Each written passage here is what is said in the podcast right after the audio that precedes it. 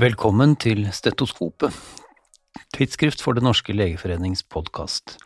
Hver annen uke med helseaktuelle gjester i studio, og hver annen uke Redaktørens hjørne, der jeg, Are Brean, sjefredaktør i tidsskriftet, gir deg en høyst subjektiv, ofte litt uhøytidelig gjennomgang av de nyeste forskningsartiklene, sakene og debattene i de største internasjonale generellmedisinske tidsskriftene. Aller først i denne høstuken skal vi, som vanlig, snakke litt om covid-19. Enn skjønt, vi skal snakke mye mindre om covid-19 enn vanlig, for selv om pandemien fortsatt raser i verden, virker det som om takten i antall covid-relaterte vitenskapelige artikler går noe ned. Forhåpentlig er det et uttrykk for at kreftene i større grad settes inn på større og mer solide studier og analyser, og ikke på stadig produksjon av nye Jeg har også publisert om covid-19-artikler. Uansett, vi skal til BMJ Open i første omgang, og til en studie som har sett på endringer i salg av sigaretter under pandemien.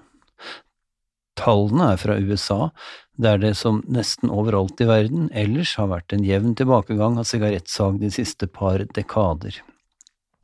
Men under pandemien har noe skjedd, for studien viser at nedgangen i salget nærmest har stoppet helt opp fra mars 2020 til mai 2021. Sammenlignet med forventet salg, basert på historiske data, har den relative økningen i perioden vært på noe over 14% tilsvarende 0,34 pakker per innbygger i USA per måned. Fra, fra, før vet vi at røyking øker risikoen for dårlig utkomme etter covid-19. Nå ser det altså også ut til at røykere har røyket mer under pandemien, dersom da ikke lavere grensehandel og eh, mindre illegalt salg kan forklare noe av økningen, for det har ikke studien tatt høyde for. Over til Yama, der forskere i en studie har koblet data fra åtte ulike amerikanske helseregistre med vaksinedata på individnivå. Um, med formål å studere sammenhengen mellom covid-19-vaksinering og påfølgende spontanabort. Og grad av spontanabortering er selvsagt et svært viktig utfallsmål for å vurdere vaksinesikkerhet hos gravide. Noe over 100 000 graviditeter med 13 000 spontanaborter ble identifisert. De fleste av de vaksinerte var vaksinert med Pfizer-Biontech-vaksinen, noen med Moderna og 0,5% med Janssen-vaksinen. Spontanaborterende kvinner hadde ikke høyere odds for å ha blitt vaksinert med noen av vaksinene forut for spontanaborten, og konklusjonen er altså at noen slik sammenheng mellom vaksiner og spontanabort ikke kan påvises. Heldigvis. Vi skal holde oss til graviditet og fødsler. I en interessant studie nettopp publisert i PLOS Medisin har man analysert sammenhengen mellom forløsning ved keisersnitt og barnedødelighet. Studien tar utgangspunkt i et retrospektivt femårsmateriale fra Brasil med totalt 17,8 millioner fødsler fra 2012 til 2018. Kvinnene ble inndelt i kohorter etter antall risikofaktorer for fødselskomplikasjoner. Levendefødte barn av kvinner som fødte med keisersnitt og som hadde lav forhåndsrisiko for komplikasjoner, hadde i denne studien signifikant høyere risiko for å dø i livets første fem år, sammenlignet med barn av tilsvarende mødre født vaginalt. Risikoen var høyest i nyfødtperioden. For kvinner med noe høyere forhåndsrisiko for fødselskomplikasjoner var det ingen slik overdødelighet hos barn forløst med keisersnitt sammenlignet med vaginalt, og hos kvinner med høy risiko for fødselskomplikasjon var sammenhengen omvendt, altså høyere barnedødelighet ved vaginal forløsning enn ved keisersnitt. Et slikt eh, retrospektivt studiedesign har sine åpenbare svakheter, selvsagt. Dessuten vet vi ikke hvor overførbare disse brasilianske dataene er til andre lands helsevesen.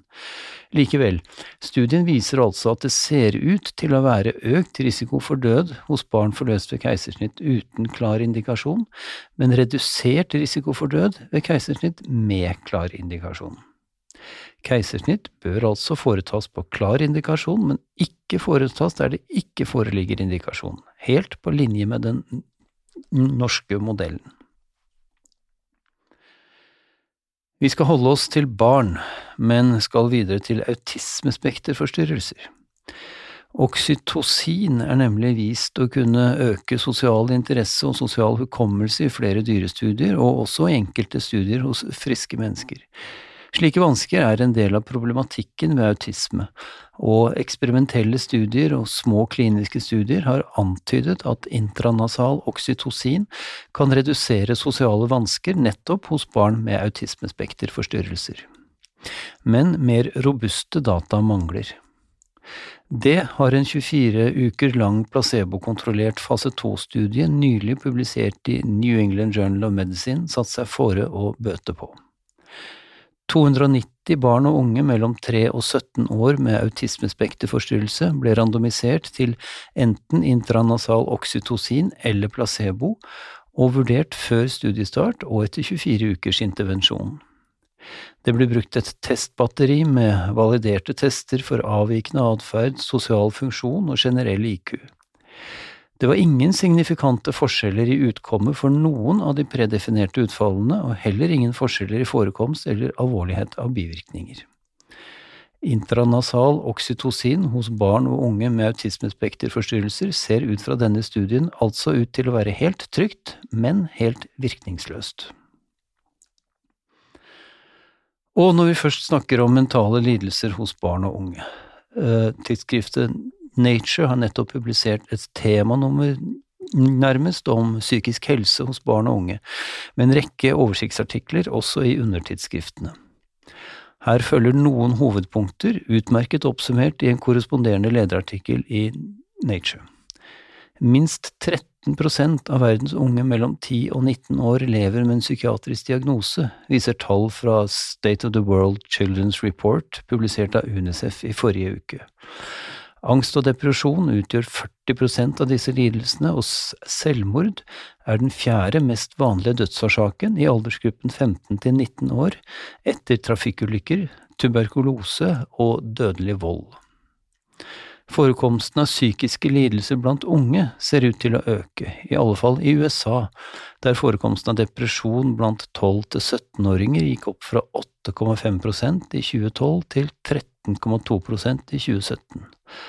Eh, tall fra Island viser også en økning i omtrent samme aldersgruppe, men her relatert tidsmessig til koronapandemien. Og hva bør gjøres? Vel, først og fremst mer forskning, bedre medisiner og mer målrettede tiltak mot hva vi allerede vet kan forebygge og avhjelpe, ifølge denne lederartikkelen.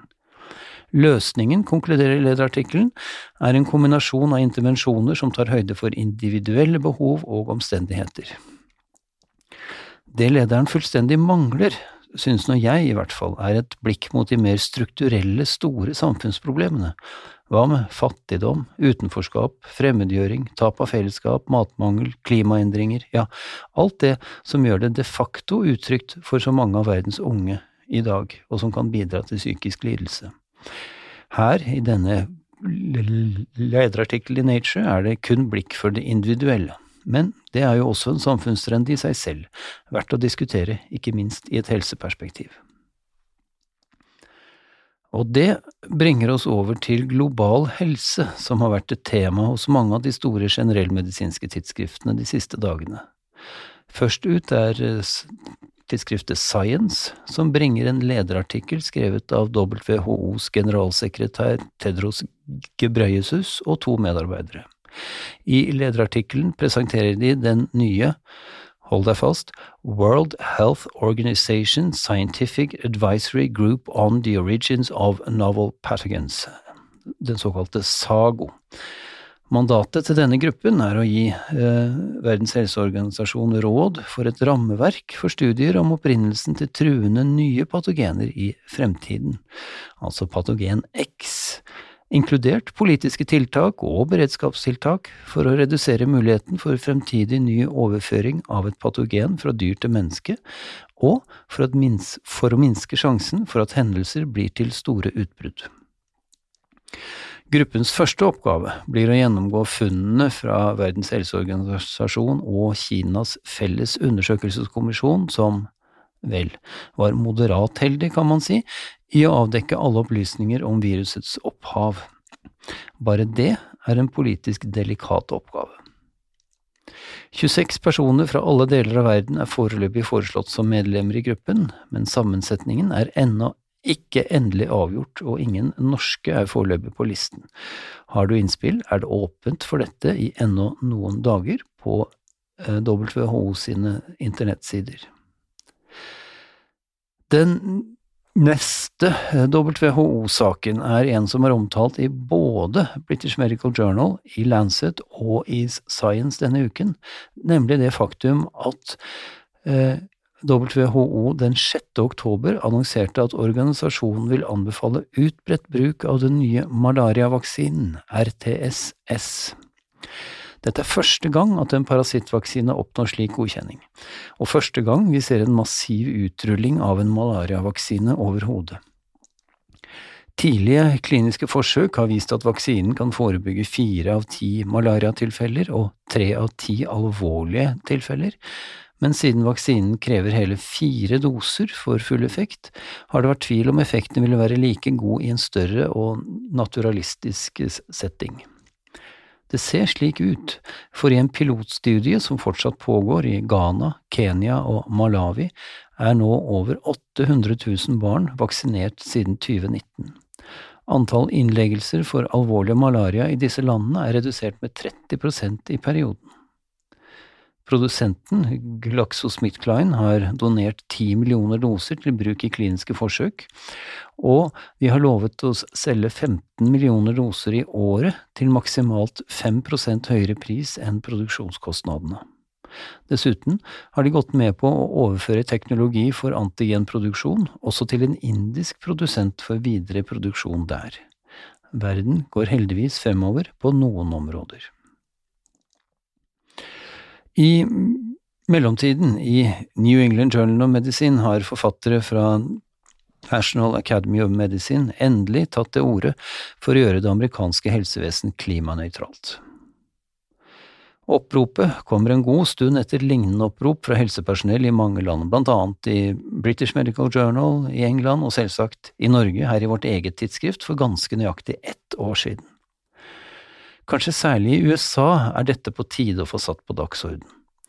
Det amerikanske helsevesen står for 8,5 prosent av landets karbonutslipp, og utslippene økte med hele 6 prosent mellom 2010 og 2018, det høyeste i noe industrialisert land i verden.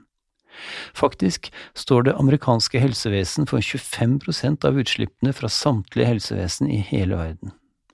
Og med Biden-administrasjonen plassert i Det hvite hus, er det også, kanskje, en mulighet for at noe faktisk skjer i sakens anledning. Følg med, følg med. Så til en rekke artikler i flere tidsskrift den siste tiden som handler om minoriteter.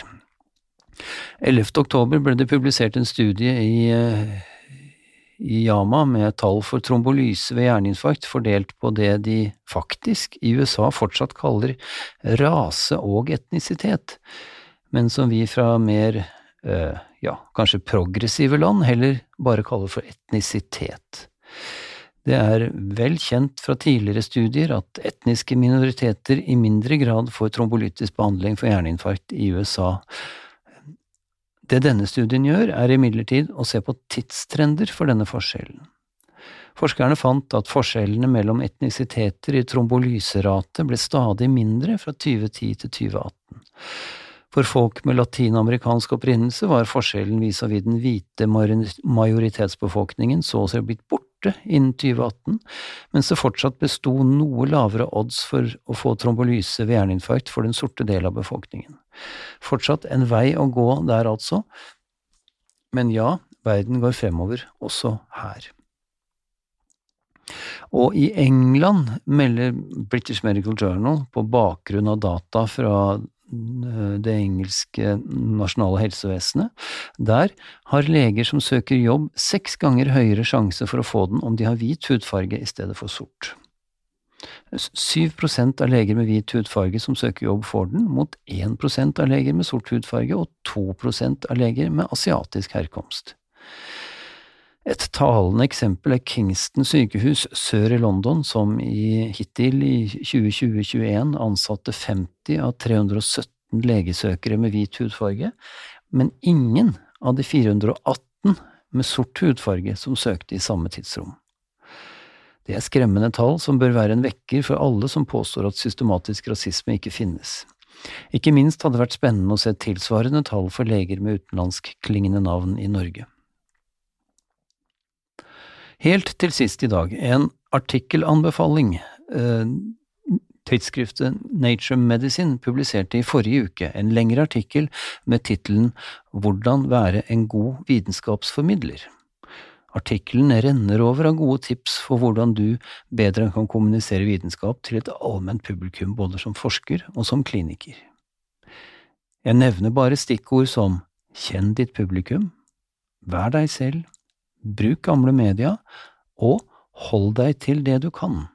Det siste for øvrig et råd jeg åpenbart ikke holder meg til, da hadde det ikke blitt stort innhold å høre på her i Redaktørens hjørne.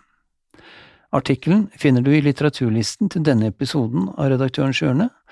Artikkelen anbefales altså, og vi, vi høres om to uker.